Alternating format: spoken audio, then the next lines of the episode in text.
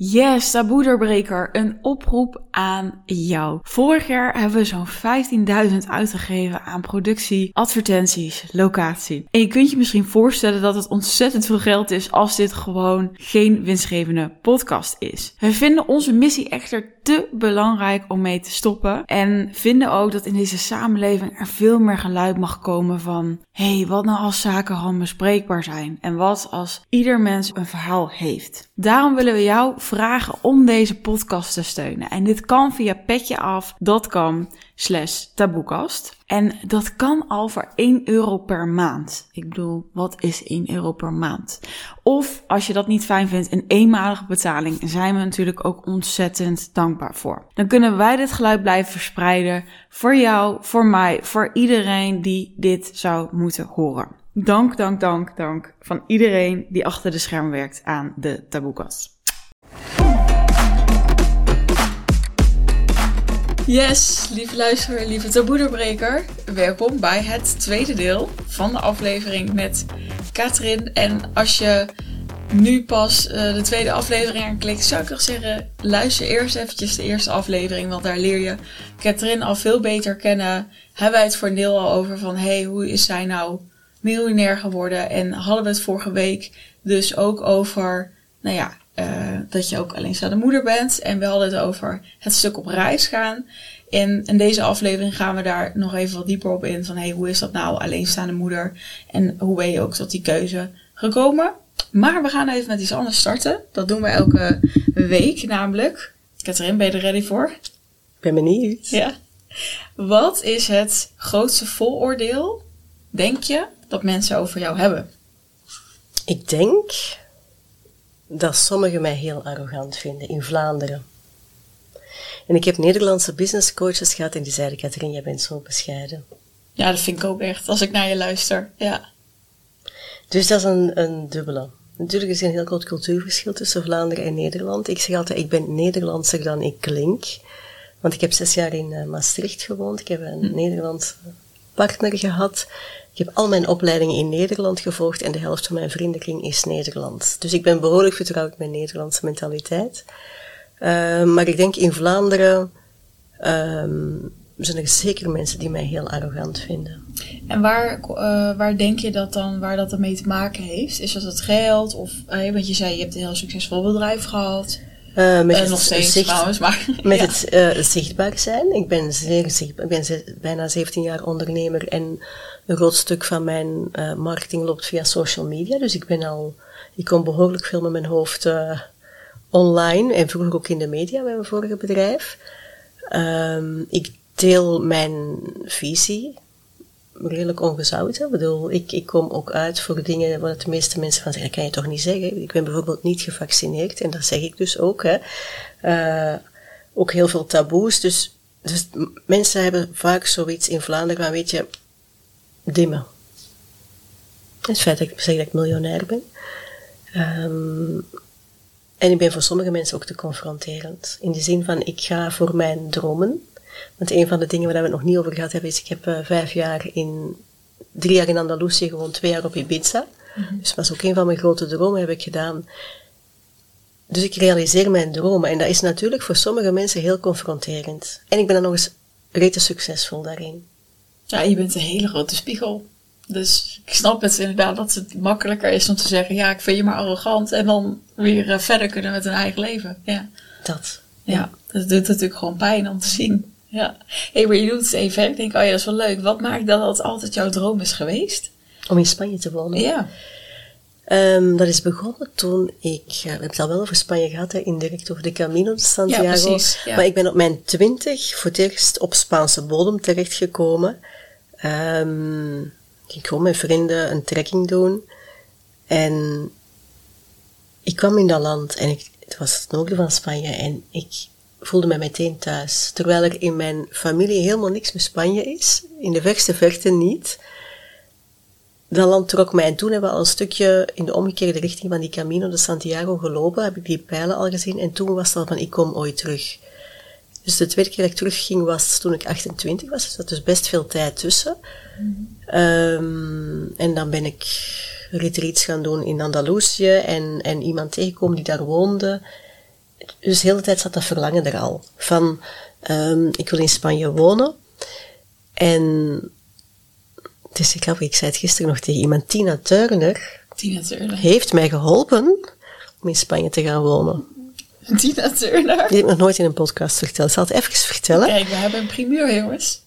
Um, ik deed een cursus Life Skills University bij Open Circles Academy. Dat bestaat nu niet meer, maar dat was een trainingsinstituut voor ondernemers. En we werden constant uitgedaagd om uit die comfortzone te gaan, want groei ligt buiten de comfortzone, zoals de luisteraar wellicht weet. En uh, we waren met 50 mensen en elk van ons kreeg een rol toebedeeld, of een artiest toebedeeld en een nummer. En ik had I'm Simply the Best van Tina Turner. Dan moesten we playbacken. Of karaoke, karaoke bleek te zijn. Um, tegen, de volgende, tegen het volgende weekend had ik daar een pruik bij. Ik had uh, zo'n rokje, naaldhakken, helemaal in vol ornaat. Wat bleek, ik was de laatste van die vijftig die mocht optreden en we mochten drie uur lang die ruimte niet uit. Nu, als al die anderen geweest zijn, om dan als allerlaatste nog te moeten, ik bedoel, iedereen had zo die ontlading, iedereen was moe en ik moest daar mijn act nog geven. En ze zetten de muziek pas aan tot voordat je, nee, als je heel de zaal mee had. Dus je staat daar gewoon voor 50 mensen in een Tina Turner pakje en geen muziek. En je moet iedereen meekrijgen. Nu, ik heb ontdekt toen, als je heel hoge hakken aan hebt en een heel kort rokje en een diepe decolleté, krijg je de zaal al wel redelijk rap mee. Ja. Wist de mannen, in ieder geval. Ja, er waren genoeg mannen bij, dus dat was... Uh, maar dat had mij zo'n power gegeven van dat ik dat gedaan had, dat ik dat gedurfd had. En ik vloog de volgende dag naar Andalusië, waar ik al regelmatig kwam, omdat ik daar ook intussen tijd retreats gaf. En ik zat daar en ik dacht, goh, ik was 38 en, ik dacht, ik ga mijn droom, ik neem mijzelf au serieus en ik ga niet wachten tot ik 65 ben of tot ik miljonair ben. Want ik had zo'n beeld van, ja, dan moet je miljonair zijn of dan moet je met pensioen zijn. Ik dacht, ik ga helemaal niet zo lang wachten. Want misschien, het leven is kort, had ik al ervaren door die overlijdens, van misschien komt dat ook helemaal nooit. Ik ga het nu doen. En ik voelde dat echt draaien aan mijn zonnevlecht. Ik, zat, ik weet nog goed op het terras waar ik toen zat. En uh, ik kwam regelmatig op die plek en ik kwam een vrouw tegen en die zei, ah, naast mij staat er een huis te huur. En dat was, ik kende dat huis, het was een mega prachtige villa. En uh, dat was mijn eerste huis en daar ben ik nog wel een paar keer verhuisd, maar zo is het gegaan. Ja, Katrien, ik zit naar je te luisteren vorige week ook al. Het is, zijn allemaal zo. Jij hebt gewoon, je zet het uit en het universum komt met iemand en nu is het weer hé, dat huis. Maar dat is, dat is het mooie van het moment en dat ik mijzelf ik voel dat echt draaien, hè, energetisch. Hè, van, van het moment dat ik toestond, self-love is dit, hè, dat, dat, ik, dat ik dat mocht, dat ik mijn diepste verlangen mocht gaan leven. Ja, vanaf dan, het verhaal is nog niet af. Er was nog een ander huis waar ik ooit van had gezegd van als dat ooit vrijkomt, wil ik daar wonen. En voordat ik dan in, dat, in die villa woonde, kreeg ik al bericht van ja, dat huis komt vrij. Maar ik had die villa gehuurd voor 100 dagen. Ik dacht, ik wil even zien of ik dat wel leuk vind. Maar ik moest op dat moment beslissen van dat volgende huis ga je dat ook doen. Ik heb direct ja gezegd. En daar heb ik dan jaren gewoond. Dus ik krijg er zelfs nog kippenvel van als ik... Uh, Maar ik geloof echt dat we dat, dat we dat allemaal kunnen. Ik kan niks... Het is helemaal niks bijzonders. Het is gewoon durven luisteren naar je diepe verlangens. En daar trouw aan zijn en jezelf die gunnen. Ja, ik ben het wel een beetje eens dat het niet is van, hoe uh, Katrien, wat, wat kun je voor magische dingen? Want iedereen heeft dit. Maar ik vind hem ook alweer, je slaat hem wel een beetje plat, want je, je, je, je moet, nee, je, je mag, ik weet even niet het woord, maar je, je, je, moet wel die keuze maken en die stap en, en dat in het vertrouwen. En dat is wat je net zei, wat je geprojecteerd krijgt van hoe arrogant dit, dat, is ergens ook gewoon een stukje ongemak in de dingen die jij wel doet. Nu, de mijn, hoe komt dat ik dat nu zo makkelijk doe? Hè? Want mensen denken, ja, maar, ja, ja. Maar dat is niet zo geweest, want ik kom uit een familie waar zekerheid het grootste goed is. Maar ik heb dat bijna, hè, die bijna doodervaring gehad. Mm -hmm. En burn-out gehad. Dus voor mijn dertigste was mijn leven echt niet fijn. Maar die, al die processen hebben mij en bedoel, ik was ook mijn moeder verloren op een moment. dus ik had zoiets van, ja, maar ik ben eigenlijk... Ik was ook, mijn, relatie was gestopt, ik woonde in een ander land, ik woonde toen in Nederland. Het werd wel heel akelig leeg rondom mij. En toen voelde ik van, ja, ik ga het... Me, myself en daar ga ik het moeten mee doen. En dat geeft ook enerzijds heel veel vrijheid. Als dan toch alles weggevallen is, ja, bedoel, dan heb je ook niet meer veel te verliezen, want alles was al weg. Mm. Dus dat maakt dat ik nu veel meer dat pad van vertrouwen durf volgen. En zeker omdat je al ervaren hebt dat dat zo werkt, is dat nu, ja, nu is dat heel gemakkelijk, maar dat is echt niet zo geweest. Dus dat heeft tot mijn dertig geduurd. En ik, ik, voor mijn dertig wist ik bij überhaupt niet wat ik hier op aarde kwam doen. Dus ik was ook echt niet zo gelukkig hoor. En zelfs tussen mijn 30 en mijn 40 is dat wel een stuk gekanteld, want toen kreeg ik wel veel meer energie en deed ik werk dat ik heel leuk vond en ik woonde op de prachtigste plek, hè, ook later op Ibiza. Maar toch was, ik, was nog een heel groot verlangen, een leegte, en die kreeg ik niet opgevuld met succes. En ook niet met feestjes op Ibiza en met you name it, met niks. Mhm. En dat was een, het verlangen naar een kind. En die manifestatie was toch iets moeilijker dan, uh, dan de vorige. Ja. Hey, weet je, ja, laten we die inderdaad meteen eens um, nou ja, beetpakken. Maar uh, je hebt er natuurlijk voor gekozen om het alleen te gaan doen. Mm, uiteindelijk wel, ja. En ik kan me ook voorstellen van dat, dat dat misschien een afweging is geweest. Of hè, want in het begin heb, ben je misschien nog... Hé, er komt misschien wel een man op het pad. Dat je denkt, die ga ik wel even manifesteren. Heb ik allemaal geprobeerd hoor. Dus op mijn 38 heb ik heel veel gedate. Ja. Nu, ik woonde toen in Andalusië. Ik had echt, als je de foto's zou zien, dan zou je zeggen, heb jij daar gewoond, daar heb ik gewoond. Ik woonde in een olijfboomgaard. Nou, laat zien, alsjeblieft. Ik heb ze nu niet direct, bedoel, ergens op Instagram staan ze nog wel, maar ja, ik zal ze straks even tonen of opzoeken. Maar ik woonde heel hoog in de bergen, in een, in een olijfboomgaard, in een natuurgebied, dus echt heel geïsoleerd. Ik was er super gelukkig. Ik was drie weken per maand daar en uh, één week per maand in België. En in die ene maand in België ging ik dan daten. Nu, dat is natuurlijk niet zo gemakkelijk als je... Die man moest al heel interessant geweest zijn voor ik mijn leven in Spanje zou opgegeven hebben. En ik denk dat ik toen ook nog niet helemaal klaar voor was, want er waren wel mannen bij, maar die hadden een heel gesetteld leven in België. En het voelde dan alsof ik alles wie dat ik was en wat voor mij belangrijk was, moest achterlaten en zo inpassen in een bestaand leven. En stond je er dan echt voor open? Want het klinkt een beetje als de man al 1-0 achter staan. Want ja, je had toch je leven in Spanje. Zo een beetje. Ja, ik had altijd gehoopt dat ik een man zou tegenkomen die mee naar Spanje zou gaan. Dat was mijn grote droom. Maar dat is dus niet gelukt. Dan ben ik uiteindelijk een man in Spanje tegengekomen. Dacht ik, oké, hè, hè. Maar dat heeft, is ook niet blijven duren. En dan ben ik naar Ibiza gegaan. Dan ben ik eigenlijk gevlucht uit Andalusië. Omdat die man, ja, dat is een te lang verhaal, maar wat. Um, Toen dacht ik, ik ga naar Ibiza ook nog gedate, maar uh, natuurlijk als je een, een, tikkende klok hebt en gaan daten is echt niet fijn.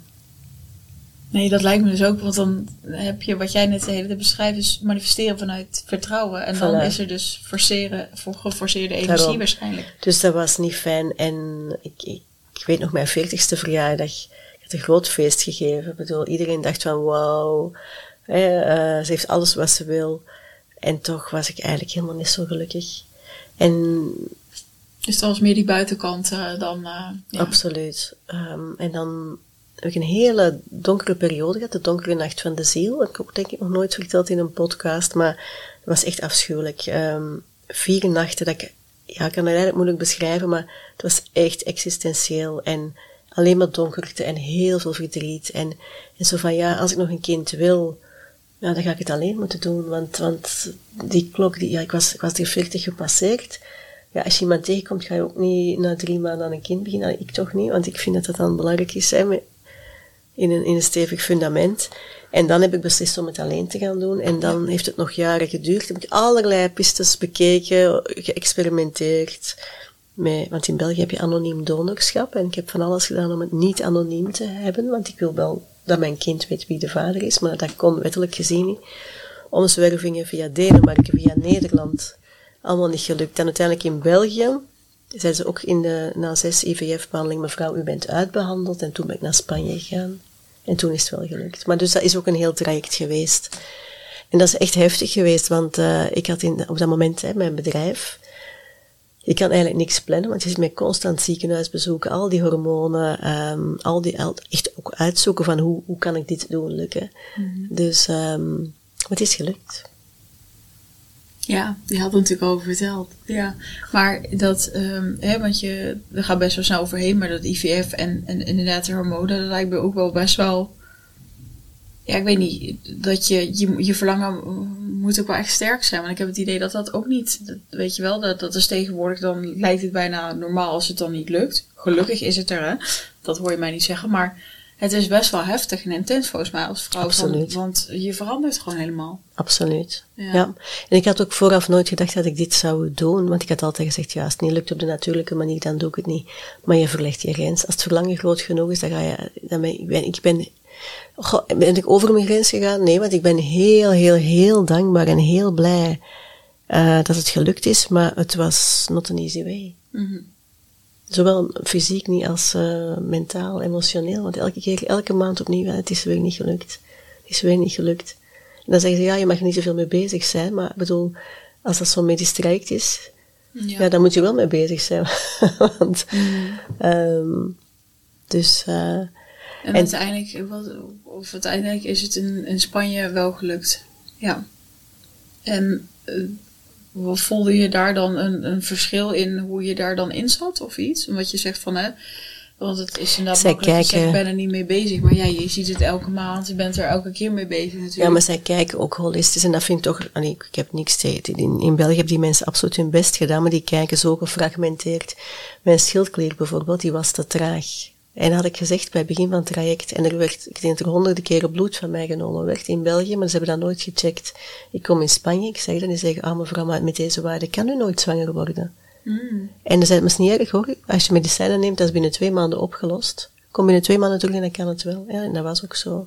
Oh wauw, wat, wat mooi, maar ook een mooi inzicht, want... En ja, dat lijkt ik ga nu niet in detail, want dat is iets, ik bedoel, ik heb geen enkel taboe, maar, maar er zijn nog andere dingen die in Spanje anders zijn. Um, maar dat is ook oké. Okay. Uh, dat heeft te maken met privacy van mijn zoontje, dat ik daar niet in detail over vertel. Um, maar ze staan in Spanje echt voor. En het gaat er veel sneller. Het is ook een privékliniek. Ja, dus je moet wel het geld er ook weer het voor is, hebben. Ja, dus daar komen we weer. Hè? Ja, het is toch fijn inderdaad om ja, dit ik, soort dingen dus wel geld te hebben. Absoluut, want het is, het is zeer duur. Ja. Ja. hey, en uh, nou ja, dan is het zover je grote wens komt in vervulling. Hoe heb je gevoeld tijdens de zwangerschap? Fantastisch. Ik, ik heb een droomzwangerschap gehad. Ik had geen enkele kwaal. Uh, ik zat dan in dat overnameproces van mijn vorige bedrijf, hè, Passion for Work, wat een enorm stresserend proces geweest is. Tot twee dagen voor 1 april was het nog niet zeker of die verkoop zou doorgaan. Ik heb een mm. paar keer de handdoek in de ring gegooid. Heb het wel, zo'n overname is echt uh, echt niet, niet simpel. Maar ik was super gelukkig. Ik had heel veel energie. Um, geen kwalen. Ja, een droomzwangerschap. Nu, ik heb altijd heel veel gesport. Dus uh, de gynaecoloog zei ook van, je plukt daar nu de vruchten van. En het is ook een stuk geluk hebben, hè. Maar dus ik, ik heb wel een fysiek en sterk lichaam. Mm. En dat is ook geluk, ja, dat ik, ja, dat ik geen kwalen had. Ja. En dan uh, is het zover. En dan is het zover. En daar heb ik ook iets anders gedaan dan doorsnee. Hè. Dat was jouw vraag daar straks.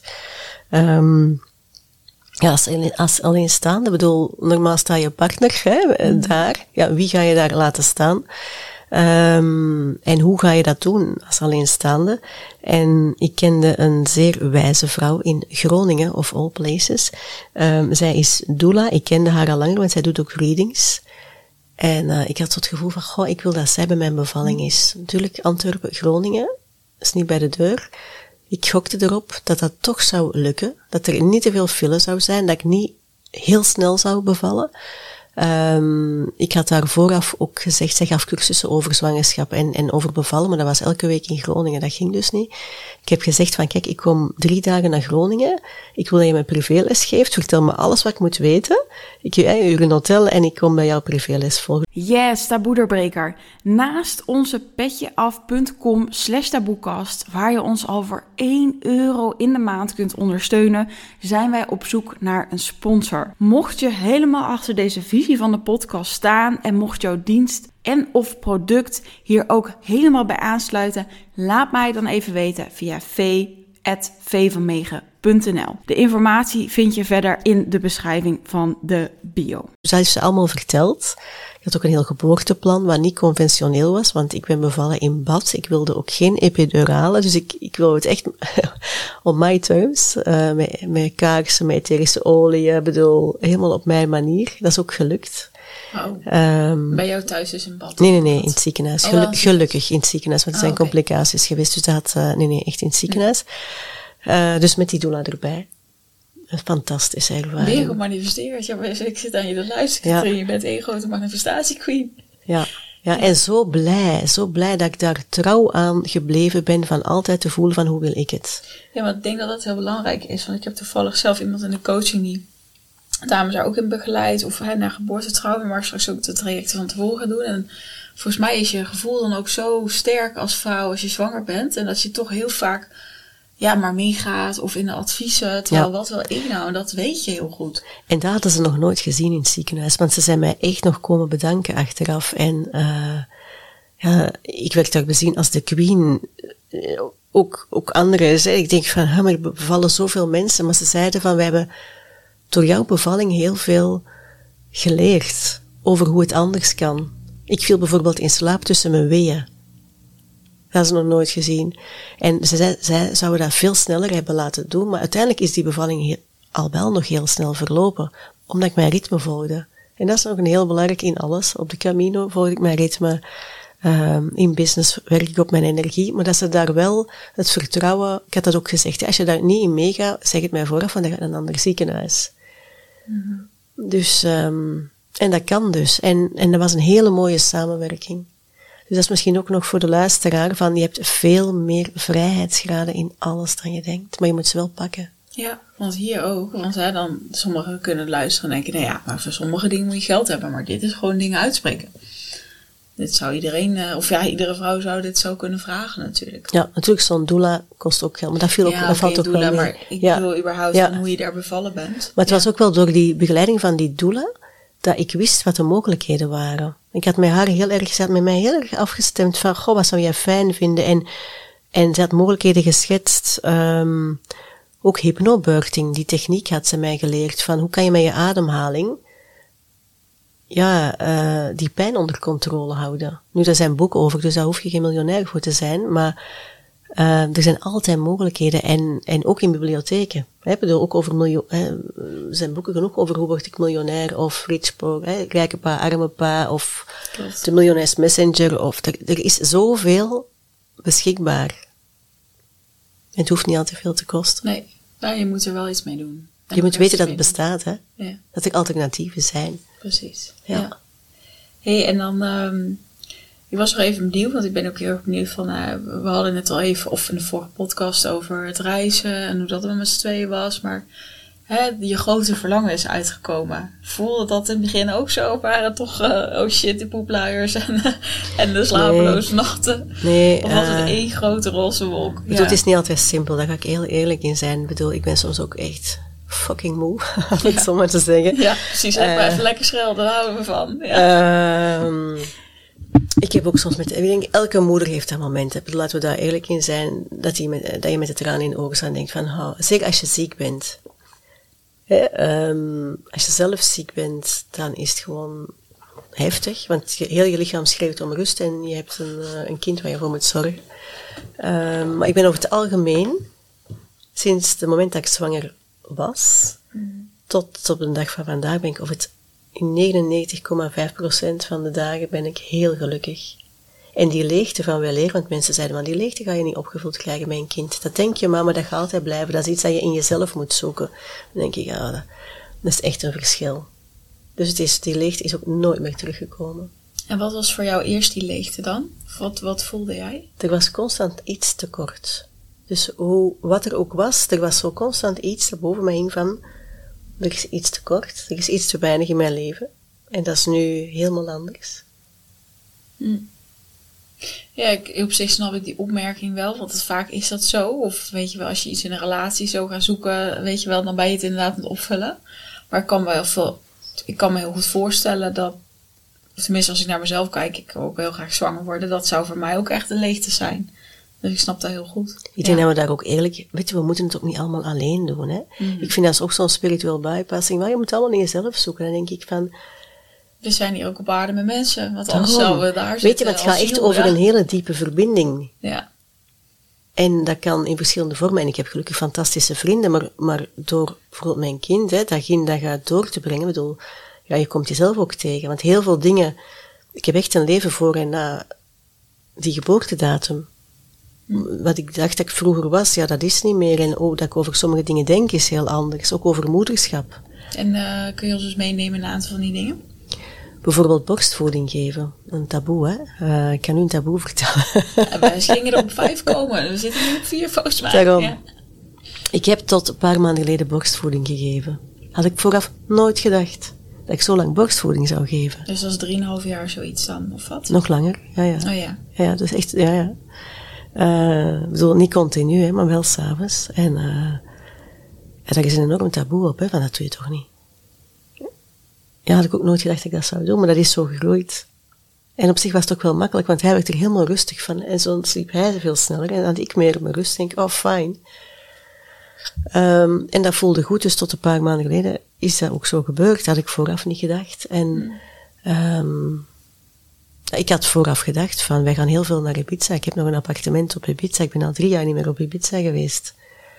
Ja, want we reizen wel veel, maar um, ja, als je overstap, moet overstappen in Barcelona en dan nog eens naar Ibiza en een auto moet huren. En ik heb ook maar twee armen en twee benen en een buggy en koffers. En, en dat is toch allemaal niet zo evident. Dus het vandaar dat ik heel vaak de auto pak en naar Nederland uh, ga. En vorig jaar zijn we naar Terschelling geweest. Ik bedoel, dat, dat is ook fantastisch als het mooi weer is. Mm. En dat is gemakkelijk, dan ga je alle speelgoed meenemen, een fietsje meenemen en dat is gewoon ease. Dus ik kies heel vaak voor Ja, dat zei je al. Nou, dat is de grote rode draad inderdaad. Uh, ja. ja. Ja. En nog dingen die dan in jouw uh, systeem, want je zegt ook, ja, ik ben heel iemand anders dan voor na de uh, bevalling en geboorte. Eigenlijk ben ik, soms zeggen vrienden, ja, je bent nog altijd net dezelfde. Die vriend overlaatst in Spanje, die, die kent mij al uh, sinds mijn 25. En zei, ja, je bent eigenlijk nog helemaal net dezelfde als toen. En eigenlijk ook weer helemaal niet. Mm. Um, goh. Ik heb nog minder tijd dan ooit voor bullshit. Dus als mensen uh, zich irriteren aan mij, dan denk ik, ja, weet je, fijn. Ik ga, ik ga niet mee in drama. Hmm. He, dus, bedoel, fijn. Dan is dat niet. Of als iemand afstand neemt, of wat voor je dan ook, want dat krijg je wel als je heel succesvol bent. Je bent, bent dan denk je, oké, okay, fijn. Maar ik ga dan niet, oh, en huilen en smeken, en denk ik, fijn. Hmm. Is dat iets wat, want je noemt wel iets aan wat ik denk van, oh, dat is wel interessant. Dat is gebeurd. Um, ja, en dat is echt om de reden het geld. Want ja, ik, volgens mij inderdaad, jij bent in wezen net Katrien van toen. Um, dat wordt natuurlijk nooit zo uitgesproken, hè, want dat is, ik heb die vraag daar ook niet. Maar, maar dat is ook uh, taboe natuurlijk, om het daar echt op te gooien. Daarom. Um, of omwille van uh, hoe dat ik mijn zoon opvoed, um, of omwille van, ik denk wel jaloezie. Of over mijn visie op, ja, mijn zoon is... Uh, zeer mondig en uh, heel slim en snel. Als ik het zo mag uitdrukken. Ik bedoel, ja, ik ga vaak ook met hem in gesprek. Dat is geen doorsnee kind. Dus alles van het boek, ik, oei, ik groei, ja, past niet bij hem. Mm. Ja, er is ooit wel iemand uit mijn leven die dat een goede vriend was. Die uh, vond dat ik veel autoriteiter moest zijn en dominant. Ik bedoel, oké, okay, fijn. Jammer. Ik vind dat jammer, maar ik ga, dat niet, ik ga niet uh, daar een nacht te huilen en daarvan wakker liggen. Ja. Ik, ik, probeer wel, ik vind dat wel knap. Ik probeer wel in gesprek te gaan. Hè? Dus ik heb wel gezegd van, kijk, ik wil er met jou over praten. We kunnen ook afspreken zonder, uh, hè, zonder mijn zoon kan wel. Ik bedoel, maar als mensen aangeven, ik wil daar niet over praten, dan denk ik, oké, okay, dan respecteer ik dat. En no hard feelings. Ik bedoel, ik kan die mensen, het zijn er geen tientallen, hè, maar het is wel gebeurd. Ja. Maar ik bedoel, dat zijn er een paar. Daarnaast zijn er ongelooflijk veel andere mensen ook in mijn leven gekomen ook daar is overvloed. Mm En ik geloof ook echt wel dat er fases zijn en waar dat niet meer klopt, wat niet meer resoneert, mag ook losgelaten worden. Ja, dat is soms het idee hè, van uh, als we vrienden hebben dat dan alles mee moet of zo. Terwijl ja, je, je bent ergens dezelfde natuurlijk in de kern en ergens verander je. En dat is ook wel logisch dat er dus ook weer andere mensen op je pad komen. Mm. En misschien toch wel een belangrijke van mijn beste vriendinnen, die ken ik allemaal al heel lang, al 20, 30 jaar. En die zijn mm. ook geen, dat zijn ook geen onderneemsters. Mm. Mijn vrienden zijn wel allemaal ondernemers. Dus dat is ook, uh, die, sommige ken ik veel recenter. Dus, Maar dus, het is niet dat ik een totaal andere vriendenkring heb dan vroeger. Nee. Mooi. Ik was ondertussen even mijn mobiel inpakken. Want ik dacht, we hadden nog luisteraarsvragen, maar we hebben eentje al ongeveer beantwoord. Even kijken hoor. Eens even kijken. Naar aanleiding van een post die ik zag verschijnen over iemand die niet te spreken is over al die high-end coaches, popte deze vraag op. Hoe ga je om met mensen die vinden dat een coach niet zoveel mag vragen voor een traject? Ik heb die vraag nog nooit gekregen. En als ik ze zou krijgen, zou ik zeggen van, goh, maar niemand zegt dat jij zoveel moet betalen. Er zijn ook low-end en mid-end coaches. En ga je tegen Ferrari zeggen, oh, dat is schandalig dat je die prijs vraagt? Of ga je tegen een Michelin-sterren restaurant zeggen, oh, maar het is bizar dat jullie duizend euro vragen voor een, voor een diner? Dat is hetzelfde. Ja. Maar snap je wel waar de vraag vandaan komt? Um, maar dan heb je, dan heb je, dus het is gewoon een keuze van, van elke consument om te kiezen van kies ik low-end, mid-end of high-end. Mm En waarom zou je als coach niet mogen kiezen voor high-end? Zo, ik voel mij helemaal ook niet persoonlijk aangesproken door die vraag. Dan denk ik van, oh fijn dat mensen dat niet snappen. Dat is, dat is hun volste recht. Mm Ik voel mij, ik ben ook helemaal niet, vind ik, onethisch door hoge prijzen te vragen, want ik leer mijn klanten net hoe dat ze zich kunnen profileren in dat hoge segment. En ik zie dat werkt en hoe dat hun leven en ook het leven van hun kinderen verandert daardoor. Ja. Dus ik heb zoiets van, zij maken die keuze om ook hè, te kiezen voor het hogere segment. En daar zijn ook weer klanten voor en ja. it's all fine. Ja, oké, mooi. Even kijken. Hoe beïnvloedt je financiële onafhankelijkheid en vermogen je rol als alleenstaande moeder? Nou, die hebben we denk ik wel goed genoeg beantwoord. En dan had ik nog eentje in de, uh, even kijken, de stickers. Wat is haar geheim of recept om alles geregeld te krijgen? Nou, die is eigenlijk ook beantwoord, hè? dus dat ik heel veel uitbesteed. Ja, ik denk dat dat wel een beetje dezelfde vragen zijn. En ook um, wat mijn energie kost, elimineer ik uit mijn leven. Dat heeft te maken met mensen die mij systematisch energie kosten. Um, taken Mhm. Die, eh, dus ik heb in mijn bedrijf ook, um, ik heb geen heel groot team, maar ik besteed ook wel dingen uit. Dus administratie is helemaal mijn ding niet. Ik ben heel graag met, met mijn klanten bezig en mijn focus zit daar. En daar rond zijn er wel een aantal mensen die mij helpen. Een grafisch vormgeefster, een, een VA, ook met de podcast, een audioman, uh, een copywriter enzovoort. Um, dus dat. Ja. Dus heel erg focus op de dingen doen die energie geven en al de andere dingen zoveel mogelijk uitbesteden. Ja, even, dat is wel iets wat ik hoor, hè? Eh, dat dat een, nou ja, dat komt heel veel terug. Ik kan me voorstellen dat mensen luisteren en denken, nou, Katrien, heb je nog iets waarvan je zegt, als je ook, nou ja, richting miljoen wil gaan, of, of hè, dat, dat, dat financiële onafhankelijke leven, wat zijn dan de adviezen die jij hebt? Um, de why heel goed helder hebben van waarom wil je dat. Want, want dat is super belangrijk om um, die why moet, dat verlangen moet sterk genoeg zijn. Ook genieten van de reis. Want ik heb een vriend die miljonair is en die zei van, oh, ik heb gewoon keihard gewerkt. En nu ben ik miljonair en ik had altijd gedacht dat ik dan gelukkig zou zijn en eigenlijk ben ik het helemaal niet. Dus ik zit nu in een depressie, want het is eigenlijk ik heb altijd hoop gehad dat het zou komen mm. en nu is het er niet. En dus genieten van de reis. Ik zou zeggen, luister naar de podcast Miljonairsvrouw, want er zijn heel veel wegen naar Rome en dus ook om miljonair te worden. Dus mm. ga vooral voelen van, wat is jouw pad? Um, ja, en investeer in jezelf. je kan zeggen, ja, ik heb geen geld, maar ik had toen ik, net dat die burn-out kwam, ik had ook bijna geen geld. Um, maar ik heb het wel gedaan. En doe het stap voor stap. Natuurlijk, als ondernemer heb je veel meer vrijheidsgraden dan in loondienst. Hè? Dus um, als je in loondienst bent en miljonair wil worden, dat is moeilijker dan als ondernemer. Want je mag nog keihard werken, maar je salaris, ja, je kan wel opslag krijgen, maar dat zijn nooit die hele grote bedragen. Dus vooral omring je met mensen ja, die kennis hebben op de domeinen die voor jou interessant zijn. En ga vooral ook kijken, hoe leven die mensen? En, en waar, wat inspireert jou? En wat kan je daarvan leren? Mm dus in deze podcast zitten al heel veel tips. En bijvoorbeeld een poetsvrouw of een VA, um, zeker als je ja, als ondernemer je uren als, als jij kan werken met een klant, soms ben je gewoon te duur om zelf te poetsen. Want op dat uur kan jij veel meer verdienen dan poetsvrouw kost. Je kan de vraag stellen, hoeveel is een uur vrije tijd mij waard? Je een uur zou kunnen kopen in de winkel. Mm. Um, dus zie je dat aan die money-kant, aan die geldkant, dat je daar ziet dat er geld binnenkomt door jouw talenten in te zetten en zoek daar een business coach voor. Um, ja, en gaat dan kijken hoe dat je kan laten omringen. Ja. Dat is uh, denk ik in een nutje. En vooral, ja, volg je hart. Hè, want geld aan zich um, is ook maar geld. Dus, dus ja, hartverlangen eerst en, um, en dan gewoon slim, slimme zetten maken en je laten omringen. Ja, nee, ik vind het wel heel mooi wat je zegt, omdat de waarom.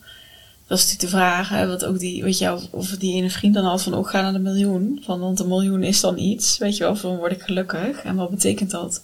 En ook wel, ik denk dat dat het ook wel is van, want ik herken dat ook, weet je. Uh, toen ik begon met ondernemen, heb ik ook geïnvesteerd. En dan had ik het ook niet per se. En dan regelde, regelde ik het wel om persoonlijk te groeien. Maar dan moet je natuurlijk wel durven. En dat vind ik dus elke keer in je verhaal. Je maakt dus wel de stappen. En ik denk dat dat heel inspirerend, dat kan heel inspirerend zijn. Dat zeg ik ook. Maar dat, dat moet je zelf dus wel gaan doen.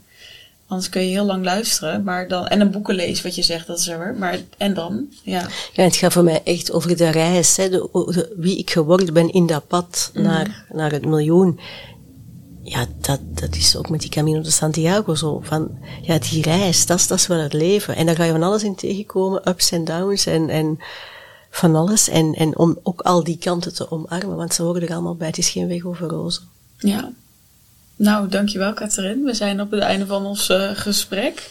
Uh, ik vond het echt, uh, ja, gewoon super, super bijzonder hoe jij je je intuïtie of iets gewoon voelt. En ook natuurlijk de stappen zet. Maar daardoor gewoon zo'n mooi leven hebt gecreëerd. En dat is denk ik allemaal aan jezelf te danken. En uh, wat je zegt, de persoonlijke ontwikkeling die je hebt meegemaakt. Dus thanks daarvoor. Ik uh, ben super benieuwd uh, voor als je nog luistert. Wat je ervan vond. Ik denk jij ook, Katrien. Dus je kan ons via onze Instagram, uh, Taboekast of uh, Katrien, wat is je Instagram precies? Katrien, dus K-A-T-R-I-N van de water. Van de water, kijk, makkelijk. We zetten hem ook in de beschrijving, maar dan heb je hem in ieder geval gehoord. Te laten weten van, hé, hey, wat heb ik hier nou aan gehad? Of uh, was inspirerend of heeft je geraakt? En dan spreek ik jullie bij een volgende. Doei!